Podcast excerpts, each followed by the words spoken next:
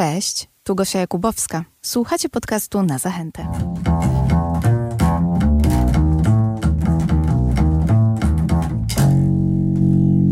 Zawsze mam pewnego rodzaju opory gdy mam przeprowadzić rozmowę na temat znanych już nam bardzo dobrze artystów, mm, zadaję sobie wtedy pytanie, co jeszcze można mm, odkryć, co jeszcze może mnie zaskoczyć w tej sztuce. Tu się okazuje, że pani dobrze zna twórczość Nowosielskiego, a mimo to cały czas coś nowego odkrywa. Ja cały czas poznaję. Ja jestem w podróży. Też jako widzka, czy widz po prostu, cały czas oglądam i odkrywam na nowo. I to jest nie do znudzenia. Pracując w Muzeum Narodowym w Krakowie przeszło 21 lat, zajmuję się polską sztuką powojenną po 1945 roku. Więc mam do opracowania i Jerzego Nowośleskiego i wszystkich jego kolegów też z drugiej grupy krakowskiej, jakże mi bliskiej. I rzeczywiście są nazwiska bardzo dobrze rozpoznane. Jak właśnie Jerzy Nowoślski, jak chociażby Tadeusz Kantor, Maria Jarema, a są nazwiska zapomniane, wyciszone.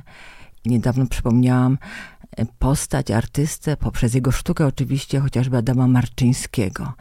No ale wracając do bohatera mm, naszego spotkania, Jerzy Nowosielski ma to szczęście, że ma liczne grono fanów, którzy są też historykami sztuki, badaczami jego twórczości.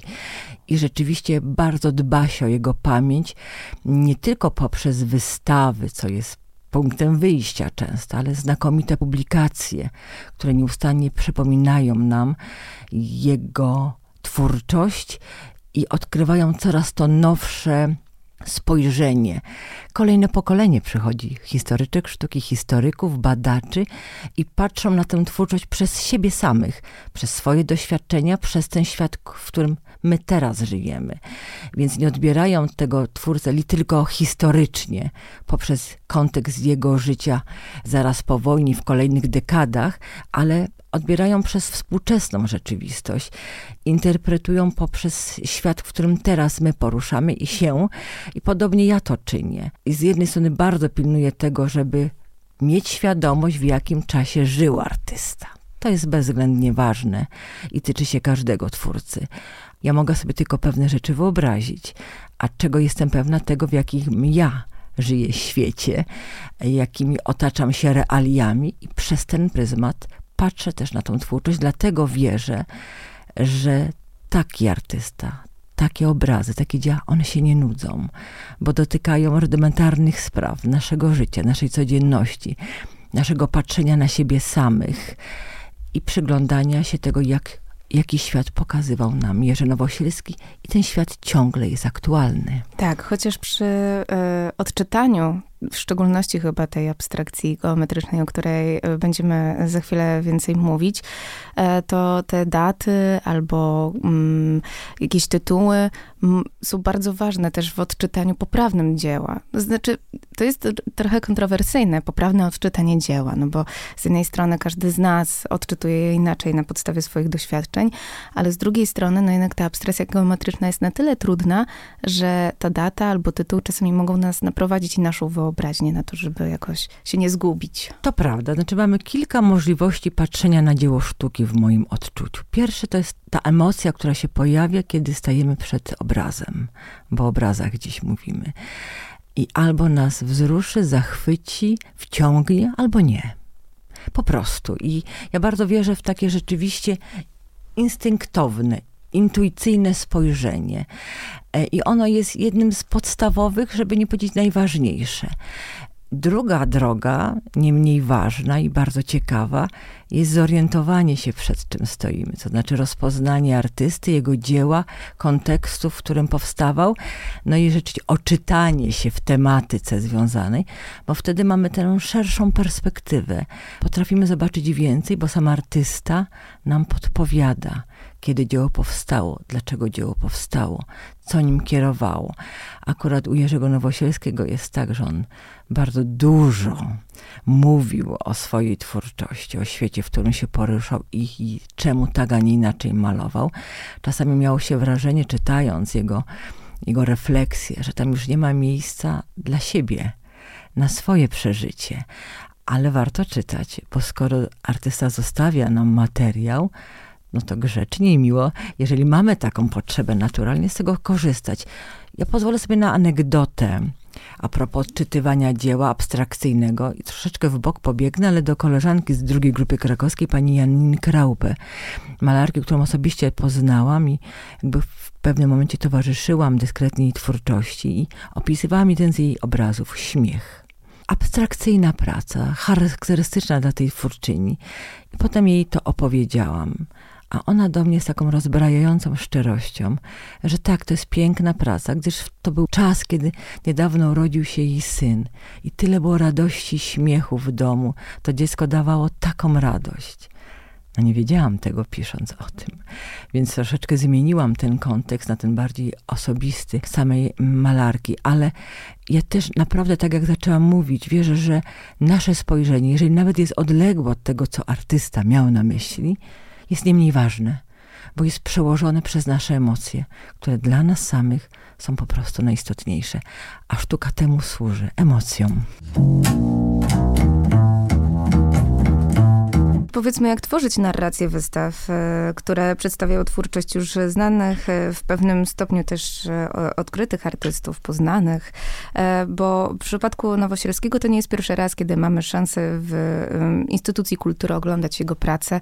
W podręcznikach sztuki też jego prace się pojawiały, więc mm, to jest dosyć ciekawe, jeżeli budujemy właśnie jakąś narrację i chcemy po raz kolejny przedstawić jego dzieła, tak żeby nie zniechęcić odwiedzających, a tak żeby ich po raz kolejny przyciągnąć do tej galerii. Mm. Artysta Jerzy Nowosielski był twórcą niezwykle płodnym. Mówi się, że przynajmniej jeden obraz dziennie musiał namalować. Żył długo i treściwie i bardzo twórczo. Więc jak z tej ogromnej spuścizny wybrać obrazy, które mogą się po prostu podobać teraz, w tej chwili, na przełomie 2023-2024. Tak jak już zaznaczyłam, przychodzi kolejne pokolenie, którzy nie znają. Więc zawsze sobie myślę, będzie grupa, która po raz pierwszy zobaczy na żywo.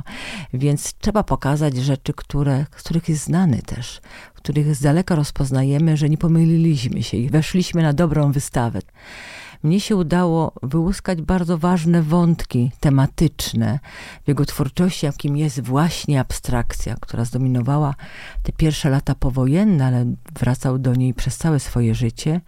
Znakomite pejzaże miejskie, pejzaże wiejskie, górskie, no i chyba jeden z najważniejszych wątków, który dominuje nad całością e, wystawy w Zachęcie, to człowiek, to postać ludzka a po prostu akty kobiece, żeby już nazwać rzecz praktycznie po imieniu. No i na koniec najbardziej kameralna część, uduchowiona, mistyczna, to ikony w kilku tylko wydaniach, żeby zaznaczyć ten jakże ważny i piękny wątek w twórczości Jerzego Nowosielskiego. Więc jak już miałam te tematy opracowane i rozpoznane, no to fajnie było dodać do tego piękne prace aby udokumentować te wątki. One zostały też wzbogacone niezwykłymi portretami. Portret e, ten małżeński, który jakby zaprasza nas na wystawę, jest znakomity, jest przyjmujący. Rozpoznajemy autoportret artysty jego cudownej żony Zofii Gutkowskiej, więc takie wątki biograficzne też przemykają bardzo dyskretnie po tej wystawie, więc Nowosielski nie da się według mnie znudzić, bo za każdym razem możemy pokazać go jeszcze ciut inaczej, chociaż tak jak mówię, pewne tematy powracają w jego twórczości, więc ciężko tutaj zupełnie coś nowego odkryć. E, wystawy lubią takie hasła po raz pierwszy pokazujemy Państwu kogoś, coś, gdzieś. To jest zawsze dobre, bo wtedy mhm. jakby magiczne słowo po raz pierwszy sprawia, że chcemy zobaczyć to coś po raz pierwszy razem z innymi. Tutaj myślę, że prace, które możemy zobaczyć, nie pokazywane są po raz pierwszy. Nie będę tutaj kokietować, ale mam nadzieję, że w kontekstach bardzo ciekawych, w spotkaniach bardzo ciekawych. Ja lubię patrzeć i do tego zachęcam poza tym takim wejrzeniem jeden na jeden, ja i obraz, w, szerszym kontekście, jak te prace ze sobą korespondują, jak one na siebie działają. I proszę mi wierzyć, to jest trudne zadanie. Bo kiedy ma się wspaniały wybór prac, to wydaje się teraz tylko rozwiesić na ścianie i zapraszać gości. To piękna i wspaniała praca aranżatorek, które współpracowały ze mną w Zachęcie, to zrozumienie, żeby te prace ze sobą nawiązywały ciekawe dialogi, żeby też zwiedzającym bardzo miło się przez te prace przechodziło. Więc ta kontekstowość pracy wydaje mi się też bardzo istotna. No pani Anna, pani ma ogromne też doświadczenie jako kuratorka, stąd kusi mnie właśnie, żeby podpytać się trochę, jak pani podchodzi do tworzenia tych wystaw i jak wygląda pani proces przygotowywania tych wystaw. Co decyduje właśnie o wyborze konkretnych prac mm, też między innymi. Pierwsze to zaczyna się od swojego e, ogródka, czyli magazyny przepasne magazyny instytucji muzealnych i własne Muzeum Narodowego w Krakowie, ale też innych magazynów, innych instytucji muzealnych bo to jest, wydaje się, najprostsza droga, to znaczy rozpoznanie, co u jest u kolegów, bo już wiem, co jest u mnie. To jest to pierwsze wejrzenie, co mamy i czym dysponuję, co się da z tego zrobić. To tyczy się i Nowosielskiego akurat, ale też innych twórców. A potem ciężka jest żmudna praca konserwatorek, konserwatorów, którzy nierzadko muszą przygotować nam pracę do ekspozycji żeby nadać im nowy blask i żeby nas zachwycały. Jedna praca to konserwatorki, druga praca to piękne ramy. E, no więc kiedy już wiemy mniej więcej, co się dzieje e, u nas w magazynach i innych instytucjach, zerkamy po ścianach kolekcjonerów czy mają ciekawe prace, bo to jest gratka. Jeżeli mogę powiedzieć, że coś pokazujemy po raz pierwszy, to nierzadko z kolekcji prywatnych od kolekcjonerów, którzy udostępniają nam swoje zbiory, które zazwyczaj są prezentowane kameralnemu gronu najbliższym i przyjaciołom. No i wtedy to jest wielka radość, że możemy pokazać, czego nie zobaczy się w muzeach. I mamy kilka takich pięknych prac i bardzo mnie wzruszają. Są też na wystawie prace Nowosielskiego, które nie wszystkie są pracami eksponowanymi, tylko są właśnie schowane w magazynach i czekają na ten dzień, żeby je wyciągnąć. Przypominamy, że takie prace są i są znakomite, są w kolekcjach prywatnych. Ja się zawsze wzruszam, że takie rzeczy piękne ludzie mają w swoich domach cieszy mnie to, tym bardziej, jeżeli mogę te pokazać, te, te rzeczy. Kolekcjonerzy zgadzają się, żeby zaprezentować je publicznie. No więc kiedy mam już, wiem, z czym dysponuję, no to czas, żeby ułożyć z tego jakąś narrację, opowieść. Ja, jako osoba, która uwielbia też oprowadzać i opowiadać, ja lubię, żeby to nie było przypadkowe, tylko żeby temu szła, za tym szła jakaś refleksja i myśl, żeby to nie były skoki e, przez kamyki w wodzie, tylko rzeczywiście płynne przejście. Stąd też wchodząc na wystawę Nowosielskiego zaczynamy od tego pięknego portretu, gdzie artysta nam się przedstawia wraz z żoną, na tle zdradzę fragmentu Łodzi, bo wtedy tam mieszkali, albo od tego artystycznego początku, jakim była właśnie abstrakcja. Tutaj nie narzucam, jak mamy iść. I płynnie przechodzimy w pejzaże prawie że czasami abstrakcyjne, nie do końca realistyczne, choć obrazują rzeczywistość, na którą patrzył Nowosielskie podróżując chociażby po Beskidzie Niskim, czy chodząc uliczkami miast, jak przez prawie dekadę po Łodzi. No i w tym wszystkim towarzyszą nam postaci kobiet, które albo są same na neutralnym tle, albo na tle jakiegoś dyskretnie zarysowanego budynku, który widać e, przez okno. No i dochodzimy do tego momentu sakrum, które zamyka tę opowieść, pokazując ikony świeckie i ikony sakralne. Bardzo też ważna, o czym tutaj dyskretnie wybrzmiewa pewnie ta wiedza, jest przestrzeń. Kiedy wiem, jaką przestrzeń dostaję, no wtedy można rzeczywiście te korespondencje E, łatwiej ułożyć, żeby te obrazy też na siebie mogły ciekawie patrzeć, żeby to nie był taki dramatyczny przeskok, jakby przeskoczenie do innej rzeczywistości, tylko żeby nadal poruszać się w płynnej melodii, bo to, co jest charakterystyczne dla Nowosielskiego, to harmonia, to spokój, to cisza. Ta wystawa rzeczywiście jakby motywuje do tego, żeby bardziej kontemplacyjnie podejść do rzeczywistości. Bardzo lubię też e, podczas tego typu wystaw e, trochę podsłuchiwać, chociaż to jest bardzo niegrzeczne, ale podsłuchiwać tego, co mówią inni zwiedzający. Podczepiam się czasami pod niektóre grupki i mm, nasłuchuję, co tam się pojawia, jakie kwestie podejmują. I skoro już e, zaczynamy od pejzaży, które się tam również na tej wystawie pojawiają, mm, no to były grupki zwiedzających, którzy mm, rozkminiali, a czy to jest pan, czy to nie jest pan, czy to jest samochód, czy może to jest co innego. Tutaj czytają tytuł y, obrazu. Aha, jesteśmy w górach. Zaczynali sobie tak trochę dyskutować, rozkminiając te wszystkie szczegóły, elementy. To jest dosyć ciekawe, bo te obrazy są malowane całkowicie na płasko, więc y, zachwiana jest trochę perspektywa patrzenia na pewne obiekty. To jest fakt, one są płaskie, one nie mają jakiejś głębi, ale one były też malowane należąco na płasko były też malowane na stole, wokół którego artysta krążył. W cudzysłowie oczywiście tańczył wokół stołu i, i malował z różnych stron. Powiedziała pani rzecz dla mnie bardzo ważną, bo ja też słucham. Jak oprowadza mnie zawsze, dla mnie chyba najważniejsze, kiedy ktoś ma swoje spojrzenie. Czasami zaskakujące. Jest w wystawie obraz mm, akty leżący, chociaż zawieszony pionowo postać kobieca całkowicie symetryczna, jakbyśmy ją wzięli na pół. Mamy dwie równe połowy z podniesionymi rękoma ponad głowę. Rozpoznajemy, że to postać kobieca, bo ma bikini założone i ja rozwodziłam się jakoś bardzo mocno nad tą pracą i nagle ktoś mi mówi, że dla zwiedzającej jednej z pań to była postać jak w całunie. Druga osoba powiedziała, że dla niej to jak postać ukrzyżowana. Te skojarzenia były tak z kolei mnie odległe, ale pomyślałam sobie, fantastycznie, że jest kolejne spojrzenie.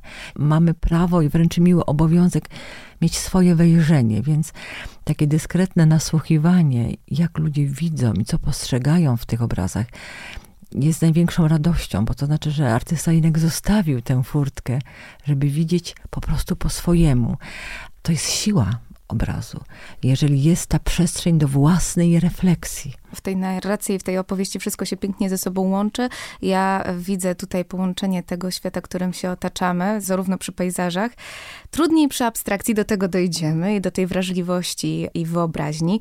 Natomiast mamy to, czym się otaczamy, mamy zwrócenie uwagi na postać kobiety, tu akurat ubrana w pierwszej części, w drugim już te akty. To ciało obserwacje, y, wyczulenie na, na to, co się dzieje wokół nas, przechodzi do tej duchowości w ikonach. Nowosielski malował ikony, pisał ikony. Malował. Malował. Tak. Raczej malował, bo to właśnie się zastanawiałam, e, że mój, mój kolega, który zajmuje się Bizancjum i mm -hmm. sztuką ikon, e, on pilnuje, żeby mówić po polsku. To jest rusycyzm. On nie jest może aż tak strasznie błędny, bo to kiedy mówimy piszemy, że się pisze ikonę, nadaje się temu coś. One są po prostu malowane, ale są to oczywiście obrazy święte. I takie, w których ja najbardziej chyba e, poczułam ducha Nowosielskiego. Tak, bo to jest przestrzeń chyba najbardziej niezwykła, jego, jego malarstwo religijne. Malowanie ikon tożsame z malowaniem pejzaży czy aktów kobiecych. E, to jakby nie, nie czuję rozróżnienia, to jest rzeczywiście niezwykłe. Tak jak mówię, mamy tylko trzy przejmujące ikony, które tylko sygnalizują, ale w Warszawie są miejsca, gdzie można zobaczyć to malarstwo sakralne dedykowane przestrzeni świątyń katolickich chociażby. Więc zachęcam do obejrzenia. Tak, był głęboko religijny, głęboko mistyczny, niezwykle oczytany wiedzy teologicznej i swobodnie poruszającej się, więc wiedział, co maluje. Wiedział, dlaczego maluje. Malował tak, że nie wszystkim to się podobało I był taki moment, kiedy już niechętnie zgadzał się malować dla, dla przestrzeni kościelnych, czy prawosławnych, czy katolickich, bo ludzie go nie rozumieli. E, I to się po prostu nie podobało. E, przyzwyczajeni do trochę innego sposobu malowania postaci boskich czy świętych. I to w obu obrządkach, i prawosławnym, i katolickim. Więc był już coraz bardziej niechętny i głęboko tym zasmucony Ale nawrócenie przyszło. Nawrócenie przyszło. Teraz rzeczywiście mm, wspaniale jest podróżować po miejscach, gdzie zostawił swój ślad artystyczny w przestrzeniach sakralnych Jerzy Nowosielski. I to wspaniale akurat. I myślę, że trzeba bardzo dbać o tę spuściznę, bo obrazy są zadbane, czy w przestrzeniach prywatnych, czy, czy muzealnych, a to rzeczywiście jest zostawione nam wszystkim, więc warto i oglądać, ale też pilnować, żeby tam się nic złego nie stało. To jest niezwykle przejmujący wątek w jego twórczości, bo dotyka tych najbardziej głębokich jego refleksji o życiu, a był postacią głęboko, jednak mam wrażenie, i to nie jest tylko moje wrażenie, pesymistyczną, smutną. Jakbym nie miał pozytywnej refleksji na temat rzeczywistości i ludzi. Ale to też wynikało z ogromnej świadomości przeżywania życia. On rzeczywiście bardzo mocno to życie przeżywał. No i doświadczyło go też to życie, więc to może dlatego. Ciekawe w sumie, czy gdyby urodził się kilka lat po wojnie, czy ten pesymizm też by w nim był? Nie wiem. Są artyści, dla których biografia prywatna, intymna, jakby dla ich twórczości nie wydaje się, że mają większe znaczenie. Przynajmniej nie odzwierciedla się to w ich malarstwie, w ich sztuce. Ale są artyści, których biografia, ta intymna, prywatna, gdzieś kładzie się cieniem albo jasnością, w zależności pewnie od, od tej biografii. I tak jest chyba w przypadku Nowosielskiego. On był dzieckiem urodzonym, tak jak już wspomniane, w 23 roku mm, z rodziców już będących dość w poważnym wieku, jak na pojawienie się potomka, a wcześniej stracili dwójkę dzieci, dorastających chłopców podczas I wojny światowej. Nie wyniku działań wojennych, powodu choroby, gruźlicy. Niemniej jednak to pojawienie się Jerzyka, który dostał imię po swoim nieżyjącym bracie i jak czytałam w jednym ze wspomnień, refleksji, on szedł na grób rodzeństwa i widział napis na nagrobku Jerzy Nowosielski wiedząc jak ma na imię, pewnie to gdzieś mogło się odbić na chłopcu. W każdym razie był kochanym, umiłowanym synem, o którego drżono e, o jego życie, o jego los. To się gdzieś odbiło, to bycie takim wypieszczonym dzieckiem, na którego rzeczywiście cały czas zwraca się uwagę, żeby mu się nic złego nie stało, co było powodem też oczywiście wyśmiewania wśród kuzynów. E, ale to nie jest nic złego troska rodzica. Trzeba też oczywiście nie przesadzać te najpiękniejsze lata, wydaje się, dorastania, młodości, a ci, którzy przeżywają teraz młodość, a ja ją wspominam już teraz z rozżywieniem, widzą, jak to jest ważny czas kształtowania się siebie, szukania, drążenia w którąś stronę, fascynacji, miłości, zagubienia, różnych refleksji, bo po to jest ta młodość, żeby szukać, błądzić, wracać, śmiać się, bawić, kochać, pożądać i wszystko to się miesza ze sobą cudownie, a to było pięć lat przejmującego strachu o życie własne, bliskich. E, Jerzy Nowosielski zaczął studiować w Kunstgewerbeschule. To była szkoła, która powstała w miejscu Akademii Sztuk Pięknych, stworzona przez władze okupacyjne Niemiec w Krakowie. Okazało się, że bardziej chyba chce być jednak mnichem i podążać tym, życiem duchowym, więc wyjeżdża za wielką zgodą rodziców i aprobatą e, w okolice Lwowa do Ławry Studyckiej bo chce rzeczywiście podążyć tym życiem kontemplacyjnym, ale cały czas jest wojna.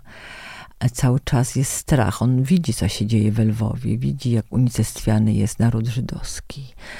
E, w tej samym zborze e, chowa się młody Żyd, syn rabina. Przeżywają obaj. Znaczy, Nowosielski dość szybko się zraża, mimo że może oglądać ikony mm, to absolutnie w pustych przestrzeniach Muzeum Lwowskiego, bo muzeum było zamknięte. I ta zmasowana ilo ilość ikon, tego piękna, tej niezwykłości jest dla niego oszamiająca i naznaczy go na całe życie. I maluje też ikony, uczy się ich malować. A okazuje się, że ten czas jest tak trudny, że traci wiarę.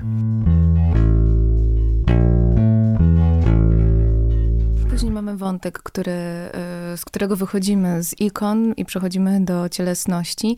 E, zestawienie duchowości a cielesności jest znane od starożytności. Piękna rymowanka mi się nie chce tak. zrobiła, ale taka też jest prawda, że w tej sztuce to akurat były najczęściej zestawiane ze sobą kwestie.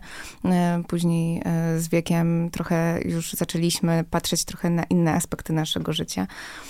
Ale jest to coś, co e, też pięknie jest ze sobą zestawione i co daje nam też pewnego rodzaju refleksję, jak my patrzymy na to ciało, jak patrzymy na duchowość, też jak przedstawia te akty nowosielskie. No to zacznę tak. Oprowadzałam po wystawie Jerzego Nowosielskiego u nas w Muzeum Narodowym w Krakowie wiosną ubiegłego roku. Tam była wystawa w skromniejszej odsłonie niż ta teraz w Zachęcie i podchodzi do mnie młoda dziewczyna i tak, Aniu, ja jestem na twoim oprowadzaniu, bo miałam nadzieję, że przekonasz mnie, że te akty kobiece są piękne, że nie, nie konotują niczego niepokojącego, żeby nie powiedzieć agresywnego ze strony artysty w stosunku do kobiecego ciała. Mnie zatkało i mówię, i jak? I nie udało ci się. To było bardzo ciekawe. To była młoda osoba, zupełnie młode, nowe pokolenie kobiet. I było to dla mnie bardzo interesujące. I też pomyślałam, że muszę i mam obowiązek spojrzeć na te kobiety Nowosielskiego właśnie oczami dwudziestokilkuletnich kobiet. Więc co to są za akty? One nie są kontemplacyjne, to znaczy nie jest tajemnicą, że nic tak się w malarstwie i w sztuce i w ogóle nie sprzedaje jak akt kobiecy. Zazwyczaj.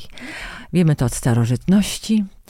E, potem pięknie to podniósł nam do wyżyn renesans, malując chociażby pędzlem czy Tycjana, czy Giorgione, te Wenus leżące, rozłożone przed nami, albo na tle pięknego pałacu renesansowego, albo na tle pejzażu. One są piękne. Te kobiety są zgodne z kanonem pewnie urody tamtych epok, mają zachwycać. Jeżeli chodzi o malarstwo religijne i akty, no to um, poradzono sobie z tym nie najgorzej, bo Adam i Ewa w raju byli nadzy. Listek figowy tylko przesłonił, co miał przesłonić, żeby jednak nie gorszyć. Więc te wszystkie akty były piękne, kontemplacyjne, zmysłowe i one miały być dedykowane z reguły męskiemu odbiorcy, tu kryć. Zaczęło się to oczywiście potem z czasem zmieniać, a w ogóle zbulwersował wszystkich Edouard Manet, parafrazując y, renesansowe akty swoją Olimpią, ale już nie ubrał Olimpię w imię Wenus, Afrodyta czy jakaś nimfa, tylko po prostu Olimpia. Paryżanom się to nie spodobało i salon go odrzucił on nic jego nie zrobił. Ale ta sama historia była w kaplicy sykstyńskiej. Tak. Też zaczęto przemalowywać e, obrazy tak, żeby je zakryć. Dokładnie tak.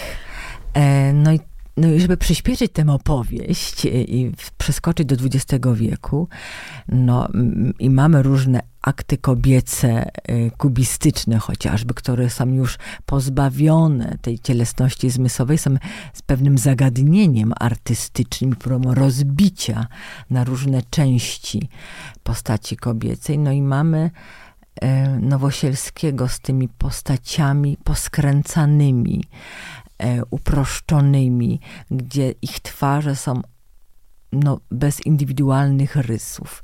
Czasami nawet śmieszne. Czasami groteskowe, czasami ta twarz jak maska.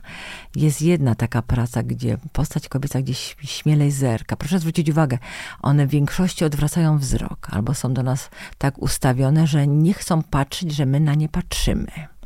Wiele z tych postaci zakrywa rękoma oczy, więc one mają świadomość, że są nagie, nie chcą patrzeć na nas patrzących na nie. Tak, rzeczywiście ma się wrażenie, że trochę się Nowosielski znęca e, i, i niekomfortowo patrzy się na te postaci. Są pozbawione tej swojej miękkości, jeżeli mogę użyć takiego słowa, tych wszystkich skojarzeń, które przychodzą na myśl o ciele. Jest przyjemne, pięknego koloru, zmysłowe, miłe. Chociaż powiem jeszcze inaczej, bo kiedy tak oprowadzałam przez te ciała, czasem ledwo mieszczące się w kadrze, ucięte, dziwnie się wyginającym. Na wystawie nie ma prac rysunkowych, ale artysta zostawił mnóstwo po sobie prac rysunkowych, gdzie są ciała kobiece, poddawane też różnym torturom. Więc jest jakiś... Mm, brutalizm w tym Jest wszystkim. jakiś brutalizm i mam wrażenie czasami, że to co nie udało się, to, chociażby z powodu pewnych norm społecznych, realizować artyście w życiu nie chcę tutaj przesadzić w interpretowaniu, gdzieś wyłania się mm, podskórnie czasami, a czasami śmielej w jego malarstwie czy w rysunkach. I ja pokazałam kilka rysunków u nas w Muzeum Narodowym w Krakowie i też to zawsze jest trudno tak śmielej opisywać to, co widzę. Miałam wrażenie, że czasem te postaci są jak takie nie plastikowe, ale materiałowe manekiny, bo materiał można swobodnie wyginać, giąć, układać. układać. Tak też miałam wrażenie czynił w tych obrazach, w tych pracach. Na jednym z rysunków życie ta, ta postać się dziwnie wyginała i, i moja koleżanka mówi, Aniu, Zobacz, on bardzo dobrze zna kobiece ciało. On je widział w różnych momentach, też najbardziej intymnych, bo to do tego dotyka. Więc to wygięcie, ta spłaszczona pierś, e, ten dziwny łuk ciała, jaki się pojawia, to jest bardzo realistyczne. Bo tutaj się przyznam, że czasami też badacze, historycy sztuki, tu mówię za siebie teraz, przepraszam wszystkich, którzy się mogą poczuć urażeni, wpadamy w jakieś kolejny coś zrozumiemy, zaczynamy o tym myśleć, utwierdzamy się, że to jest słuszne, dobre i prawdziwe. E, jedyne słuszne Jedyne czasami, czasami i nie, nie, skręcamy w boki. Tak dobrze właśnie a propos tego podsłuchiwania i bycia otwartym na to, jak ktoś coś widzi. I pomyślałam sobie, spojrzałam wtedy na tę postać, przy której stałyśmy i w sumie miała rację. To też jest takie uprzedmiotawiające? Tak. Ale znów musimy pamiętać. Yy, o czasie. Tak, o czasie. Teraz mówiąc brzydko, chyba by to nie przeszło. Ale mówimy o latach 50., 60., 70. To jest jeden z nielicznych artystów w sztuce powojennej, który malował w sposób dość realistyczny. Było to osnute w ciekawej takiej refleksji surrealistycznej. Ten, ten surrealizm przemyka. Oczywiście w uproszczeniu, zgeometryzowaniu, absolutnie tak. Drugim artystą, który gdzieś rozpoznajemy postaci, to kobiece i to akty, to jest inny znakomity surrealista, Kazimierz Mikulski, ale dziś mhm. przecież nie o nim. Nie o nim, o Nowosielskim i przejdźmy proszę do tej abstrakcji, bo zachęcamy oczywiście do tego, żeby odwiedzić jeszcze przestrzeń zachęty i zobaczyć, jak ta wystawa jest prowadzona, ale do abstrakcji chciałabym przejść, bo wokół niej e, wiąże się jakoś takich największych moich chyba obaw o moją wyobraźnię i moją wrażliwość. Ja się potrafię wzruszyć sztuką. Potrafię też czasami ją odczytać, ale chyba z abstrakcją geometryczną mam największy problem. Zacznę od e, obrazu, który wzbudził moje największe zainteresowanie na wystawie, którego wcześniej do tej pory nigdzie nie widziałam, a mianowicie odwór różowego obrazu, który wyróżnia się przede wszystkim swoją kolorystyką. Jest to chyba jedyny obraz tak kolorowy i tak różowy i tak barwny, mm, a przy okazji mówi o prawdzie i szczerości. Trudno mi było coś tam zobaczyć, odkryć. No to powiem tak. Mamy lata 56-57 czas odwilży. Schodzi zasłona, zostaje zdjęta socrealizmu i naprawdę bardzo śmiało polska sztuka zaczyna orientować się w modzie. A jaka była wtedy w Europie moda? Informel. Malarstwo swobodnego rzucania plamą barwną na płótno. Mamy Jasona Poloka w latach 40. w Ameryce, jego tańce rozlewające, kiedy rozlewał mm, farbę, bardzo swobodnie należące płótno i ten taniec wokół niego. Nasi polscy artyści nie robili tak, ale proszę mi wierzyć, jest ten moment, kiedy rzeczywiście Nowosielski też próbuje to jest najcudowniejsze w patrzeniu na artystów powojennych, jak dotykają różnych, różnych mm, ciekawostek artystycznych, sprawdzają się, czy to im pasuje, czy mogą spróbować. Ja mam kilku twórców, którzy poszli w zupełnie inną stronę i oczywiście Nowosielski też, którzy mieli ten ciekawy wątek. Jest Marian Warzecha, cudowna Teresa Rudowicz, jego małżonka, którzy spróbowali pobawić się w cudzysłowie, oczywiście, bo pewnie traktowali to nad wyraz poważnie, plamą barwną, nie w sposób zgeometryzowany, bo to nie jest abstrakcja geometryczna, to jest próba rzeczywiście dość swobodnego zinterpretowania tego malarstwa, które rodzi się po wojnie we Francji, Dubuffet, Tapie. To są artyści, którzy wprowadzają właśnie tą abstrakcję nie geometryczną, ale swobodną. Nasi polscy artyści zaczęli potem używać różne pozamalarskie elementy, elementy, jak piasek, jak, jak szkło nawet, kawałki drewna, wszystkiego, co było poza e, olejem na płótnie, żeby rzeczywiście urozmaicać. Więc ten obraz jest niezwykły. On, ich powstało sporo w tych właśnie w tej, tych dwóch latach tego zobaczenia, jak sobie radzę ja, Jerzy Nowosielski, swobodnie myśląc teraz o twórcy. Mm, I, i rzeczywiście tych prac gdzie próbował rzeczywiście nie geometryzować przestrzeń, ale dość swobodnie na tyle, ile mógł i uznał, tą, tą przestrzeń malarską budować kolorem, a kolor dla niego jest ważny, ale tutaj nie jest właśnie zamknięty jak w abstrakcjach geometrycznych linią czarnego, mniej czy bardziej dyskretnego konturu, tylko rzeczywiście pozwala sobie chyba być trochę bardziej spontaniczny, bo na takim spontanicznym kreowaniu przestrzeni malarskiej to malarstwo Informelu się zdecydowanie opiera. Więc tą pracą, jeżeli chcemy ją interpretować, to możemy się zestresować. A po co nam? No, sztuka ma nas, nie, nie no powinna w znacznej mierze. Nowosielskiego ma nam dawać nadzieję, więc ja mam nadzieję, że kiedyś uda mi się jeszcze raz spojrzeć na ten obraz i coś tam większego odkryć. E, ale to, co podobało mi się podczas jednego z oprowadzań e, pani, e, to hasło. Trzeba się przebić przez znaki geometryczne. I tutaj przychodzi mi na myśl takie stwierdzenie, że ograniczenie wyobraźni przy niezrozumieniu rozumieniu abstrakcji geometrycznej. No i mamy tutaj cyrk, mamy obok jakiś inny obraz, e, który bez tytułu jest. Mamy tylko datę powstania. Później mamy kolejny obraz, który też przedstawia nam tylko te znaki, wszystko w chłodnych kolorach. No właśnie, no co zrobić, kiedy wszystko zostało już powiedziane czarnym kwadratem na białym tle?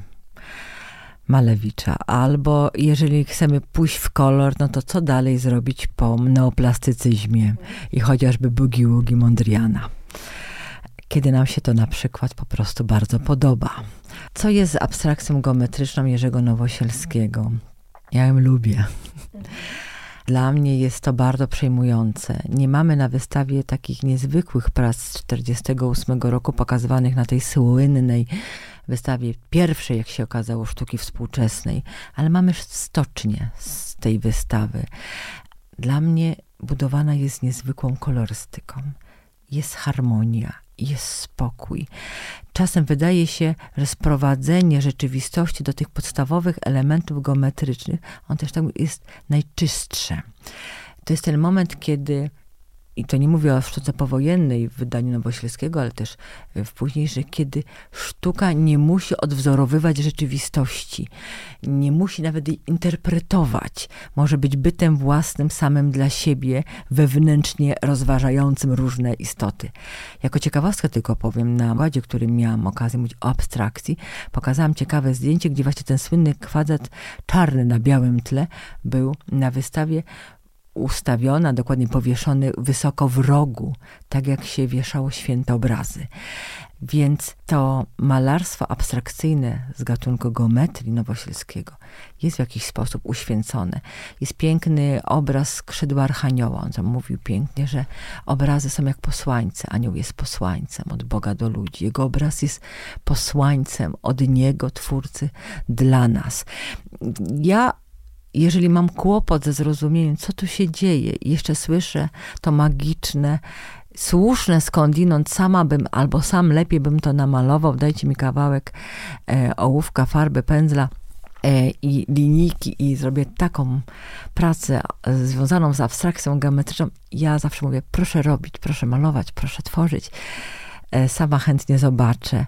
To nie jest łatwe, ale rzeczywiście ja też myślę, że ten czas zaraz po wojnie, szukania właściwych ścieżek, co malować, jak malować, to też jest, może to nadinterpretuje, rodzaj terapii powojennej, próbą poradzenia sobie z różnymi traumami, jak opowiedzieć o lęku, o stresie, o niepokojach. Pierwsza, najważniejsza rzecz, to ja muszę do tego nawiązać, to przeżyliśmy wojnę. To jest najważniejsze. Żyjemy. To jest ponad wszystko. A teraz ta druga rzecz, jak sobie poradzić z tym, co jest z tyłu naszej pewnie myśli, głowy, te wszystkie lęki, które zaczynają pomału wychodzić. E, czasem sztuka, to zamknięcie w przestrzeni formy geometrycznej, to nie tylko moda, ciekawość, zagadnienie, ale próba uproszczenia tej rzeczywistości. Ja tylko powiem jako anegdotę, ileż czasu malował, trochę odbiegnę, przepraszam, ale lubię czasem pobiec gdzieś dalej, ale zaraz wrócę, proszę się nie martwić. Ile czasu malował bitwę pod Grunwaldem, wspaniały Misjan Matejko. Ile czasu malował zapętlenie abstrakcyjne pod tytułem Bitwa pod Grunwaldem Stanisław Wyspiański. Zachęcam do zobaczenia. Minutę, a oddał tak samo ten tumult, emocje, wszystko. Przynajmniej, proszę mi wierzyć, ja, ja, ja tam wszystko zobaczyłam. To, to pobojowisko e, grunwaldzkie. Więc każdy czas o tym próbuję powiedzieć, ma swoją interpretację rzeczywistości i zrozumienie. I nie ma już konieczności odwzorywania rzeczywistości. Jest trudniej, dlatego ja pewnie Państwo chodząc po wystawach chociażby artystów wcześniejszych epok i zachwycają się, jejku, jak żywe. Chociaż tutaj wrócę jeszcze do podsłuchiwania różnych grupek. Były e, chyba ze trzy takie bardzo młodziutkie dziewczyny się chichrały równo na tym Nowosielskim. Więc tak myślę, o co chodzi. Podchodzę, podsłuchuję, a on mówi, naprawdę widzę tutaj tą twarz. Mówiąc o e, właśnie abstrakcji e, geometrycznej. No, stało się tak, jak sobie życzył Nowosielski żeby jego sztuka cieszyła, żeby dawała radość, żeby była czymś dobrym. Kiedy artysta tworzy dzieło, nam je oddaje, staje się już nasze. Nawet jeżeli mógł mieć założenie pełnej powagi i surowości tematu i oddania, to jeżeli daje to już nam, nie mamy obowiązku traktować tak, jak on zakładał, bo to już jest teraz nasze i może nas to wzruszać, śmieszyć, dziwić, bawić albo irytować. To, to już jest jakby na, nasza emocja ponad wszystko. Zamykając wątek abstrakcji, to muszę powiedzieć, że rzeczywiście e, to jest trudne zadanie, jakie stawia przed nami artysta. Jeżeli nam już powtarzam, bo mamy tę pracę na, na wystawie w Zachęcie, mamy abstrakcję i widzimy tylko trójkąty, kwadraty czy prostokąty w różnych zestawieniach ze sobą barwnych i nam to nic nie mówi. Ale jeżeli podpiszemy, jak w wypadku tej pracy, o której myślę i mówię, stocznia, zaczynamy sobie wyobrażać. Próbujemy nadać tej abstrakcyjnej pracy dość realne spojrzenie i rozpoznajemy tu jakiś statek, tu jakiś kadłub, tu fragment pewnie portu. Tak, on upraszczał i syntetyzował tę rzeczywistość. I myślę, że te prace mogą i próbować nas wprowadzić w jakieś nowe rewiry, ale też cieszyć czystą barwą i schematem geometrycznym. To na zakończenie już naszego spotkania. Mm, czy można powiedzieć zatem, że jest to sztuka na trudne momenty w naszym życiu? Tak, absolutnie. To znaczy, rzeczywiście to jest sztuka, która wycisza. Nawet jeżeli nie wszystko rozumiemy, nie wszystko dla nas jest oczywiste, nawet te postacie kobiece, które widzimy, przed sobą nie są dla nas przyjemne, budzą nasz niepokój i nie do końca mówiąc sposób mogą nam się podobać, to zastanawiają. Nowosielski zastanawia, nie pozostawia obojętnym, a to jest chyba najważniejsze, że nie przechodzimy sobie pomiędzy jego pracami pomimo, tylko te prace zerkają, przywołują do siebie i mam nadzieję, a ze mną tak jest, nakazują, masz zostać chwilę i popatrzeć. Nie odchodź tak łatwo, bo tam jest więcej niż się wydaje na pierwszy rzut oka. I cieszę się, że zachęta pokazuje, przypomina, a mam wrażenie, że jest sporo zwiedzających e, i cieszę się, że są młodzi ludzie, bo ta wystawa jest przede wszystkim dla młodego odbiorcy, który szuka siebie, który poszukuje, który mam nadzieję jest ciekawy tego, co kiedyś człowiek, artysta miał do powiedzenia swojej rzeczywistości, a teraz nam, tu w tej chwili, w 24 roku.